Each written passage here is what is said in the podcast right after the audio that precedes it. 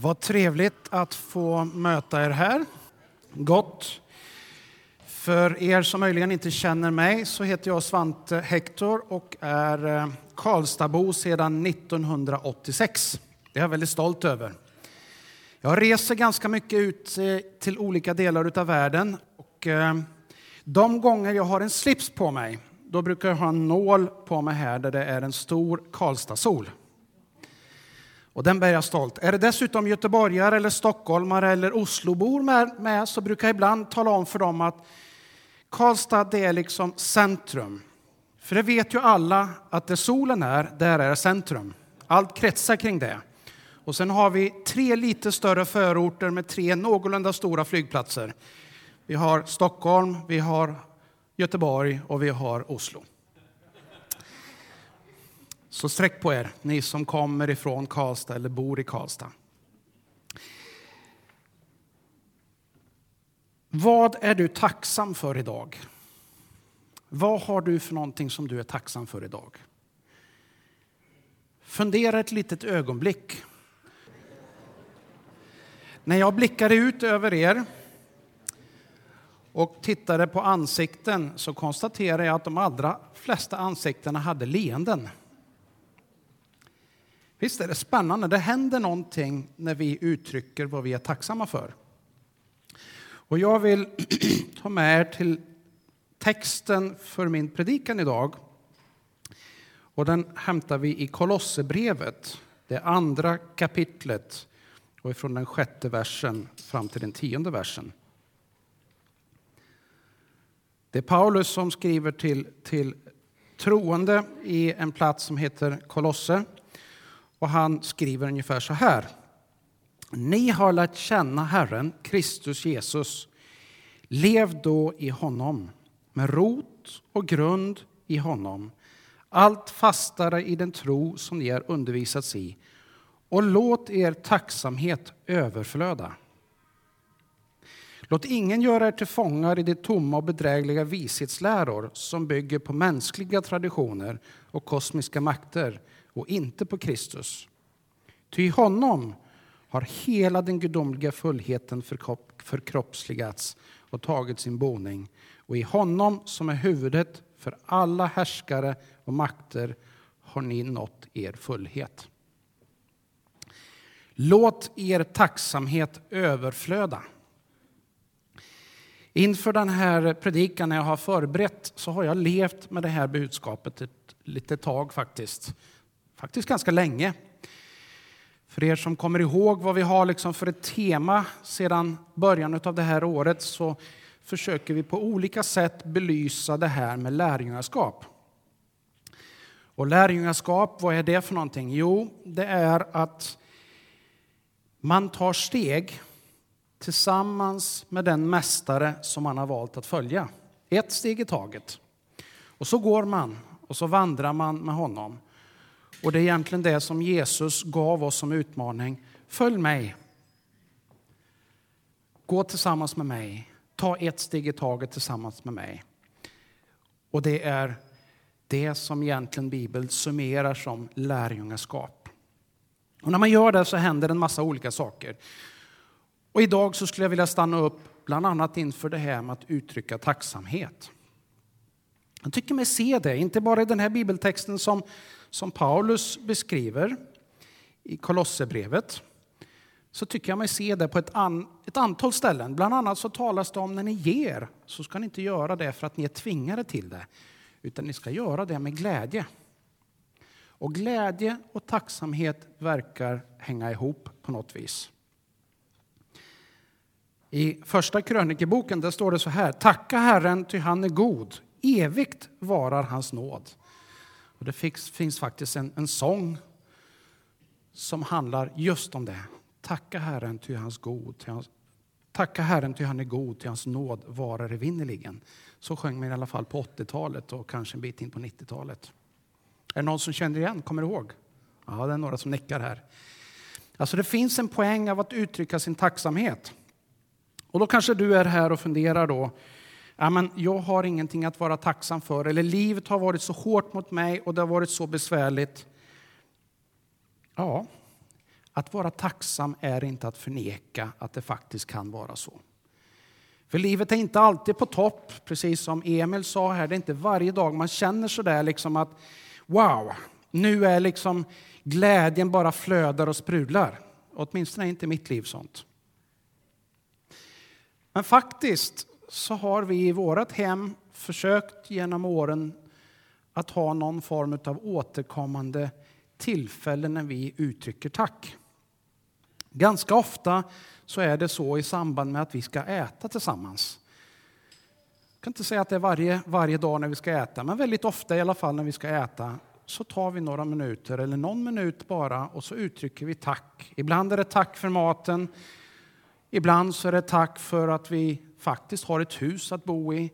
Ibland är det tack för att vi hade pengar att betala räkningarna i slutet på månaden. Ibland är det tack för att vi har barn som vi har fin kontakt med och så vidare och så vidare. Och någonting händer med mig när jag uttrycker tacksamhet. I förberedelsen så har jag pratat med några olika personer. Jag har intervjuat en tre, fyra stycken olika personer och fått lite olika perspektiv på vad tacksamheten innebär för dem. Och någon uttryckte sig ungefär som så här att, att nej men, tacksamheten är ett val som jag har att göra. Ungefär som jag har ett val som jag kan bestämma mig för att älska. Och när jag uttrycker tacksamhet eller när jag väljer att älska, då är det som att den där känslan och upplevelsen, den blir större. Och när jag börjar uttrycka tacksamhet, då är det som att jag ser fler saker i livet som jag faktiskt har anledning att vara tacksam för. Vi bad för en liten stund sedan för Nepal. Och när det skakade som värst och det var som värst drabbat, så när man har tittat, så har jag känt Tänk vad tacksam jag är att jag bor där det inte har blivit en sån jordbävning. Där inte hela huset, där inte mina nära och kära har dödats därför att jordens valar har skakats. Ett tillfälle att vara tacksam för.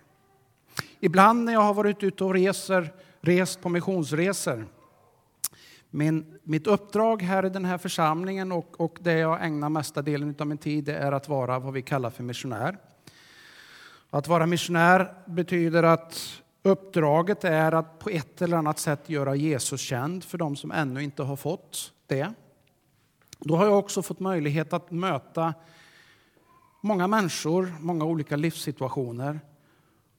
Och ganska så ofta så har jag känt så här att när man vad tacksam jag är över att jag är född i ett land, jag hör till ett land, jag är medborgare i ett land där det är så mycket som jag liksom får med på köpet. Blir jag sjuk, ja, men då finns det sjukvård som jag kan gå till. Det kostar mig en liten, liten slant, men det är inte mycket. Och jag kan för det mesta känna mig trygg i att jag faktiskt kommer att få den hjälp som jag behöver. Det är ingen självklarhet överallt. När våra barn var i skolåldern så var det så att de kunde gå till skolan. Vi behövde inte betala ett öre i skolavgift. Det var någonting som vi var tacksamma för. Faktiskt var det så att en gång i deklarationen, ni har väl deklarerat va? Imorgon är sista dagen om ni inte har gjort det, så att det är dags att komma ihåg det. Ett år i deklarationen, då skrev jag en sån här extra kommentar. Det kan man göra längst ner, har ni sett det? Om det är liksom extra information, då skrev jag jag är tacksam över att jag har haft ett jobb så att jag har kunnat betala skatt och så att mina barn faktiskt har fått gå till skola. Jag fick aldrig någon kommentar av det, men jag hoppas att någon person på Skattemyndigheten läste det och åtminstone fick en god minut eller en god stund.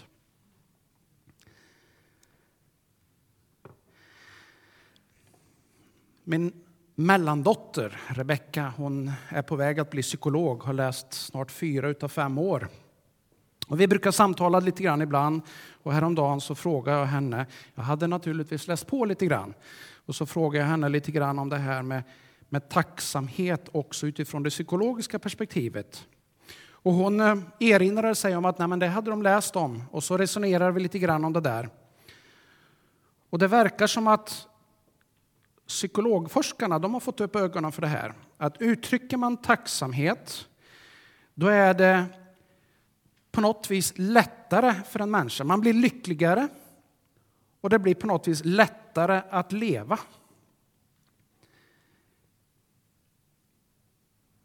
Vilken mirakelmedicin, hörni. Har ni tänkt?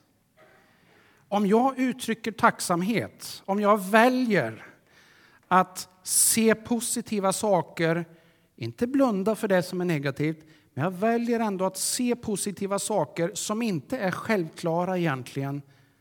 Och så uttrycker jag min tacksamhet för det. Då blir jag en lyckligare människa. Då blir det lättare att leva. Lyckliga människor finns inte i de rikaste delarna av världen. Nödvändigtvis. Lyckliga människor finns också i de väldigt, väldigt fattiga platserna. Varför?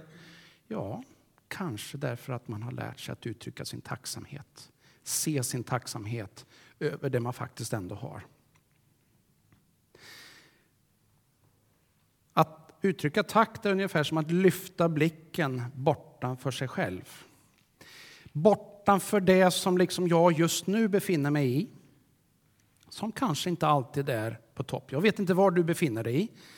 Om du är typ 10-12 år, kanske yngre än så, eller om du är 85 eller någonstans där mitt emellan så kan livet ha väldigt många olika situationer. Och Det kan vara så här att livet är verkligen på topp, du är väldigt glad.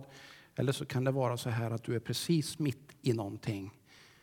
Period av sorg, period av en rejäl utmaning.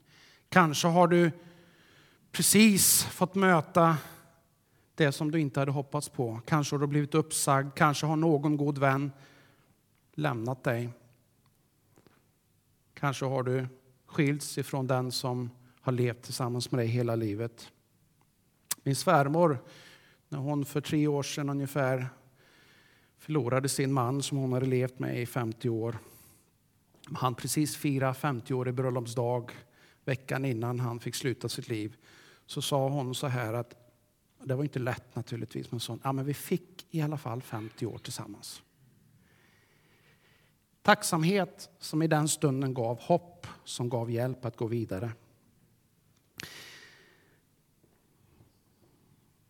Jag tror att när du uttrycker tacksamhet, då ställer du dig du ställer in dig, du justerar ditt sätt att tänka på ett sådant sätt så att Gud faktiskt kan tala till dig. Jag tror att det är något himmelskt. Jag tror att det är någon, en gudsprincip. Att om du uttrycker tacksamhet, då blir du mottaglig för att höra Guds röst. Dessutom ger det både glädje och energi. Jag tror faktiskt att det stimulera lite ödmjukhet som är någonting som Bibeln talar högt om. Ödmjukhet, det ger nåd. Och jag skulle vilja utmana dig utifrån den här första punkten om tacksamhet. Formulera din tacksamhet varje dag. Gör någon form av rutin av det där. Jag har själv en rutin när jag skriver dagbok, som regel varje kväll så försöker jag ofta uttrycka någonting som jag är tacksam för den där dagen. Något som jag är glad för. Psykologisk forskning som jag läste på lite grann om säger att när man gör man det på kvällen så verkar det ha en väldigt mycket större effekt. Det är som att det sjunker in medan du sover. Så påverkar det dig ännu mycket mer än om du skulle göra det på morgonen därpå. Jag vet inte, jag är inte psykolog. Men jag märker att när jag uttrycker min tacksamhet på kvällen så är det någonting positivt som händer med mig. Och jag vill utmana dig. Uttryck din tacksamhet på något sätt varje dag. Kanske i dagboken, kanske i din bön till Gud. Kanske till dina medmänniskor. Berätta för den du lever tillsammans med. Berätta för dina barn. Jag är så glad för dig. Eller dela det ni tillsammans är tacksamma för. Någonting händer och jag tror att Gud kommer lite närmare dig i ditt liv då. Dessutom så tror jag faktiskt att du blir en trevligare människa. Jag tror nämligen så här att en människa som är tacksam över mycket i livet, kanske trots utmaningar, är oftast trevlig att vara tillsammans med. Hur var det med utmaningarna då? Ja, de kommer. Ingen av oss undflyr dem. Utmaningarna de kommer. Prövningarna säger en del. Eh, besvärliga perioder säger andra. De kommer. Tänk om man har fått fylla på den där liksom energitanken med att först uttrycka sin tacksamhet. Då är det ungefär som att jag har laddat, jag har fyllt på utav energi för att faktiskt få rätt perspektiv på den här utmaningen jag har. Emil sa, uttryckte sig ungefär så här att i lovsången är det så att vi liksom uttrycker vårt tack, vårt lov till Gud och han blir större. Visst var det så? Han blir större och jag blir lite mindre. Och därmed också, när han blir större och jag förlitar mig på honom så är det som att mina problem blir också lite mindre. Om han är större, om han är mäktigare och jag på något vis kopplar till honom så har jag möjlighet att hämta styrka i den utmaningen. Oavsett hur livet ser ut så har du ett val. Ett val att göra. Du kan välja att bli ett offer och bli bitter. Eller så kan du välja att vara tacksam för det fina och på det sättet generera, generera kraft att ta dig igenom det svåra. Paulus och Silas. Berättelsen kanske några av er känner. Paulus är en av apostlarna som har skrivit ett antal texter i Nya testamentet. Han och en medarbetare, Silas, de var på uppdrag. Och så hände en massa saker, vilket irriterade en del ledare. Och så kastades de i fängelse. Och det står i, eh, i en text i Apostlagärningarna 16 att de hamnade faktiskt inte bara i fängelse utan de hamnade i den där högsäkerhetscellen, skulle man kunna säga. Det vill säga längst ner, mest igenstängt, mest utmanande och där satt de fastlåsta, innestängda utan egentligen speciellt mycket att vara glada för, verkar det som. Eller skulle det kunna vara som. De har blivit slagna, de har fått kläderna av sig avdragna, de har blivit piskade, de är förmodligen såriga och blodiga. Förmodligen så gör det ont överallt på kroppen och de vet inte vad som ska hända. En möjlig utgång är att de faktiskt får sätta livet till. De sitter ju liksom den där mest högriskklassificerade delen av fängelset. Och så står det i Apostlagärningarna 18 och 25.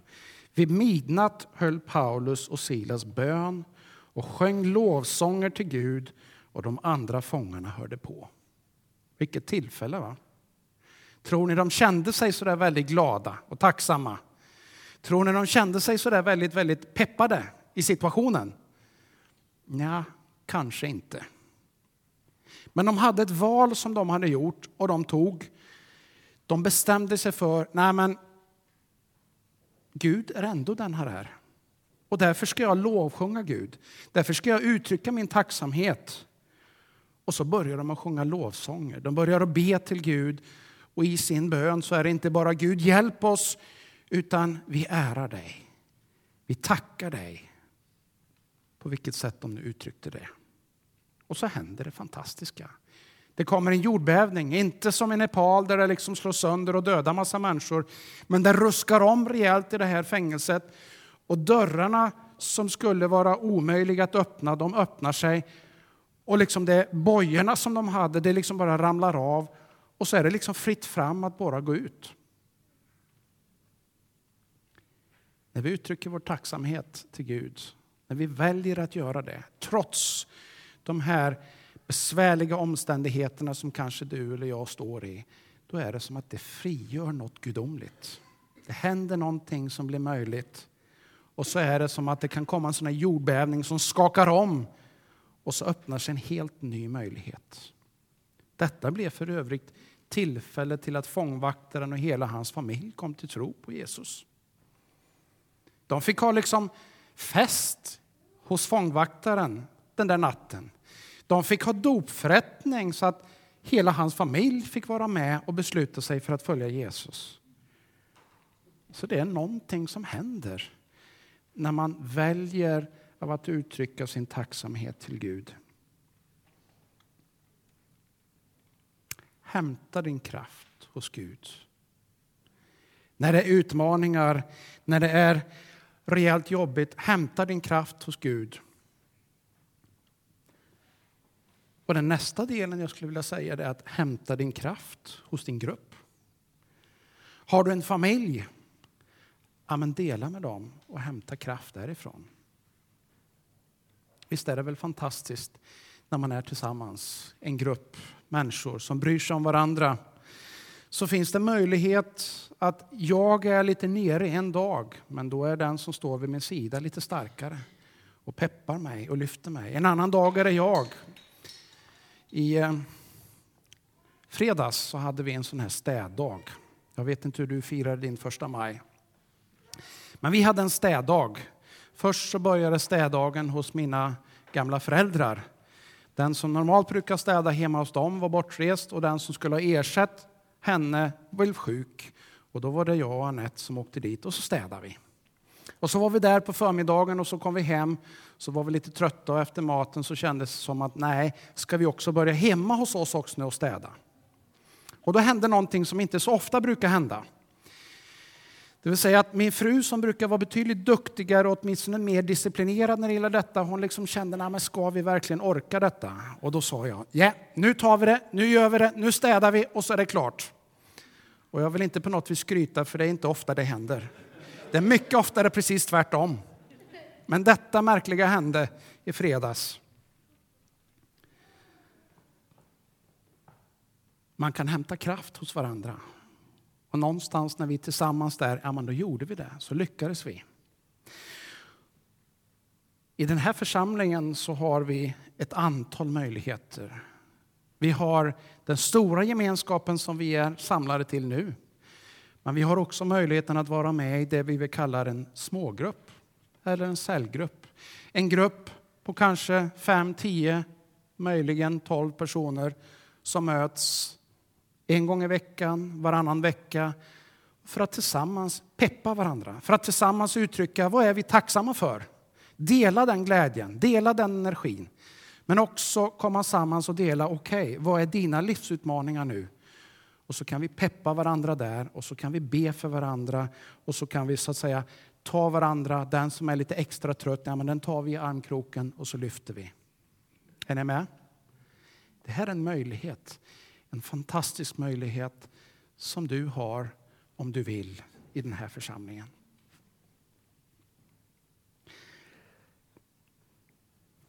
En tredje punkt. Ta ett steg till med Jesus. Vilken är din källa till utveckling? Vilken är din källa till att ta ett steg till? Ja, det kan se olika ut. Det kan vara så här att du är ung, kanske med i någon idrottsklubb, kanske spelar fotboll eller något annat. Kanske musicerar och där får du utmaningar till att ta ett steg till. Förhoppningsvis är det så. Kanske är det i skolan med de uppgifterna du har. Där får du utmaning till att ta ett steg till. Kanske är du mitt i livet, kanske är du på en arbetsplats där liksom det kommer nya utmaningar och så utmanas du att ta ett steg till.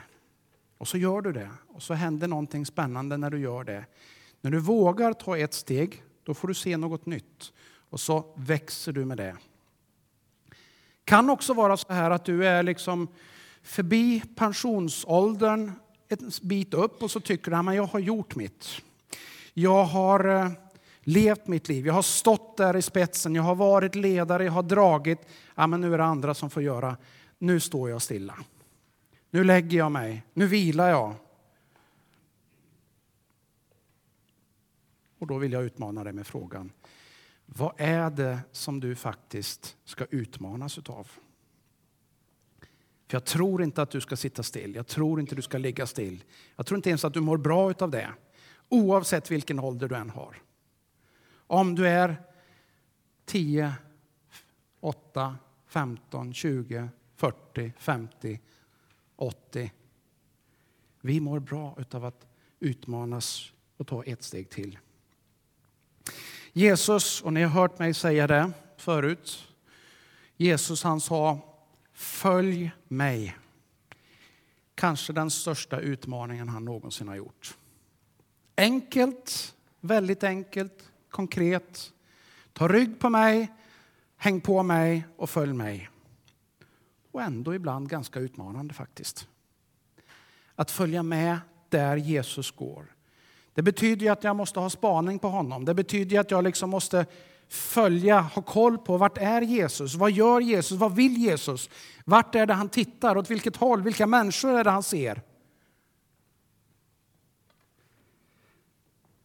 Följ mig, sa Jesus. Mitt bästa sätt att följa Jesus det är faktiskt att försöka varje dag umgås med bibelordet. Jag har en, en, en sån här surfplatta och i den så har jag Bibeln. Det går alldeles utmärkt med en sån här bibel också, med sidor. För eh, lite längre tillbaka, kanske 500-600 år sedan, så hade man inte såna här biblar.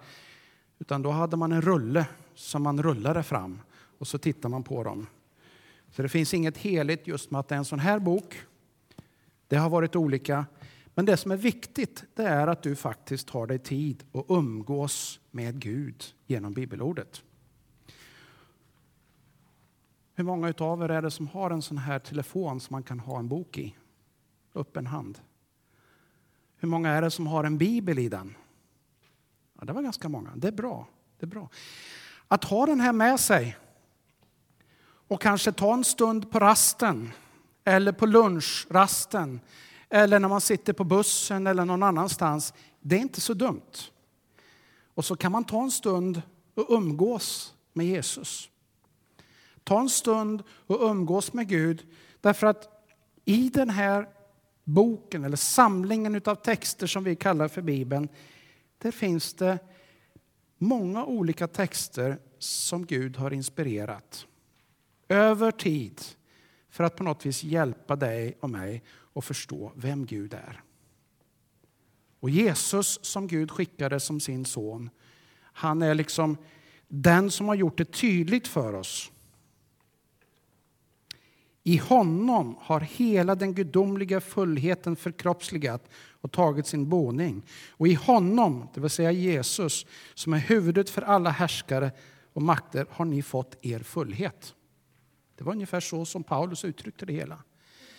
Det vill säga att, att ta en tid, ta en stund själv att umgås med bibelordet är lysande bra tillfälle att faktiskt lära känna Jesus och gå med Jesus. Att göra det tillsammans i smågruppen är ett annat jättebra sätt att umgås. Inte bara jag själv, utan att tillsammans vi läser och så försöker vi att fråga oss, vad är det egentligen som Gud säger till oss? Vad är det Gud säger till mig?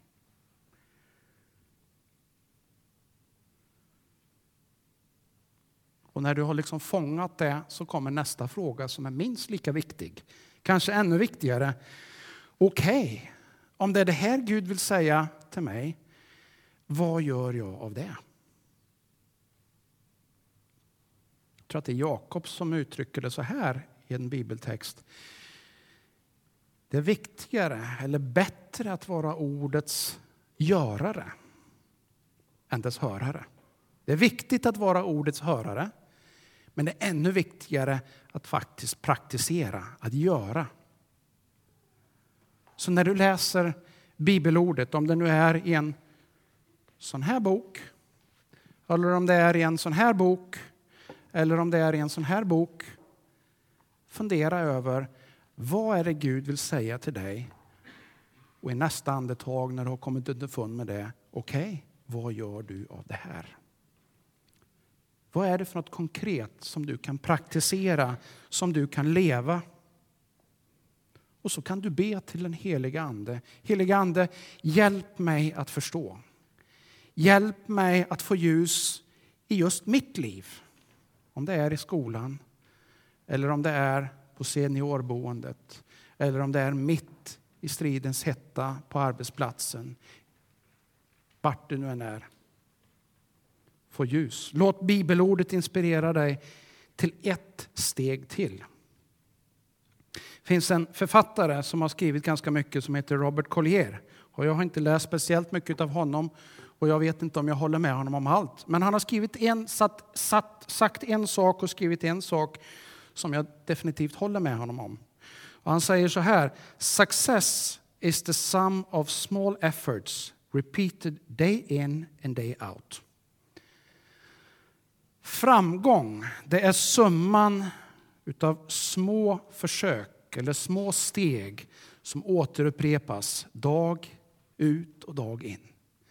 Det vill säga inte de stora kliven du tar i ett steg, inte de stora hoppen du tar i ett steg, utan faktiskt de små, små stegen.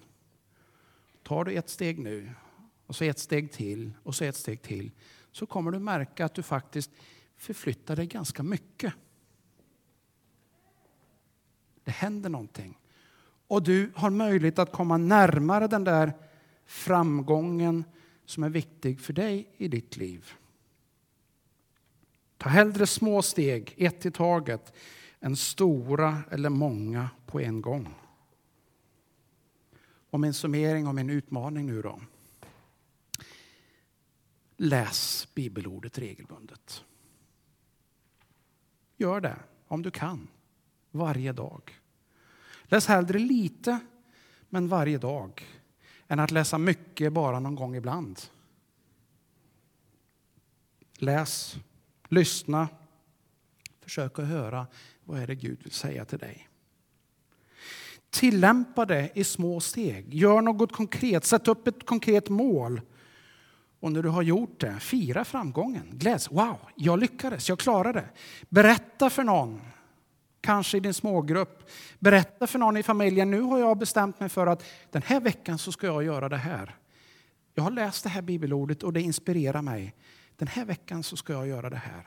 Berätta det för någon. Inte för att skryta, men för att dela både utmaningen men också glädjen. Wow! Och när någon annan berättar för dig, bra, heja på, lycka till, jag ska be för dig, jag ska vara med. Och när det händer, bra jobbat. Kanon. Någonting händer med oss när vi peppar varandra.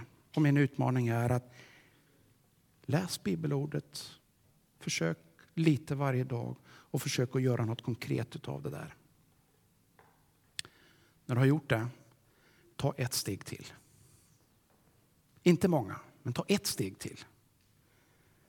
Det var ju det Jesus kallade oss till. Följ mig. Inte alla steg på en gång, men ett steg till. Och nu ska jag alldeles strax sluta så vi får gott om tid på oss att fira nattvard. Gott om tid av att sjunga inför Herrens ära, tillbe. Men min fråga som jag avslutar med det är vad gör du med det du har fått med dig idag? Jag vet inte vad du har fångats av. Jag vet inte vad du har liksom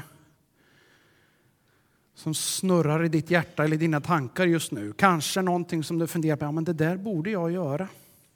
Eller det där var bra. Eller det där förstår jag inte riktigt.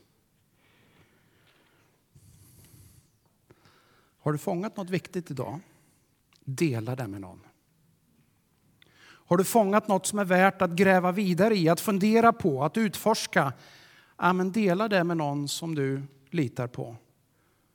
Och undersök tillsammans. Har jag helt fel, så okej okay då. Men gräv i det då, försök utforska det. Eller har jag delat någon poäng? Ja, men ta det ett steg till. Dela det med någon som du bryr dig om. Det finns ett uttryck som säger så här, sharing is caring. Engelska. Att dela med någon, det är att bry sig om någon. Har du fångat något bra, dela det med den då. Delad glädje, det är ofta dubbel glädje. Har ni tänkt på det?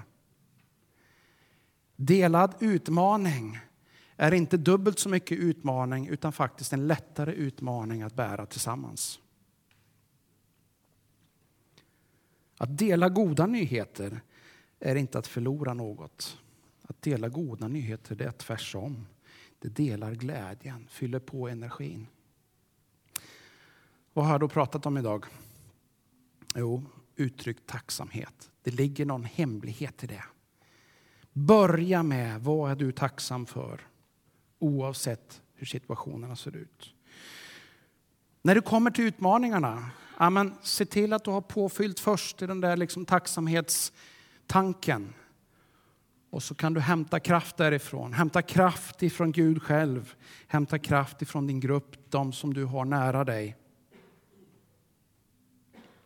Ta ett steg till. Läs bibelordet. Låt dig utmanas, formulera ett konkret mål och ta ett steg till. Jemen är ett sånt där land som eh, har mycket utmaningar just nu. Det är en konfliktsituation. Det är någon typ av inbördeskrig skulle man kunna beskriva det som. Väldigt många människor som har lidit. Samtidigt så finns det ett antal kristna människor där. Senast för någon vecka sedan så fick jag rapporter av att det märkliga i den här stora utmaningen de har där, det är att det verkar som att de här troende på Jesus, de låter inte sänka ner sig därför att det är jobbigt runt omkring. Istället så reser de sig upp och så pekar de på, här är vägen. Och så är det andra människor som tar rygg på dem och som följer på väg mot Jesus. Det är möjligt. Det är möjligt att också den besvärliga situation, precis som också Paulus och Silas, det kan vända sig beroende på vad du väljer att göra. nu ska vi be tillsammans.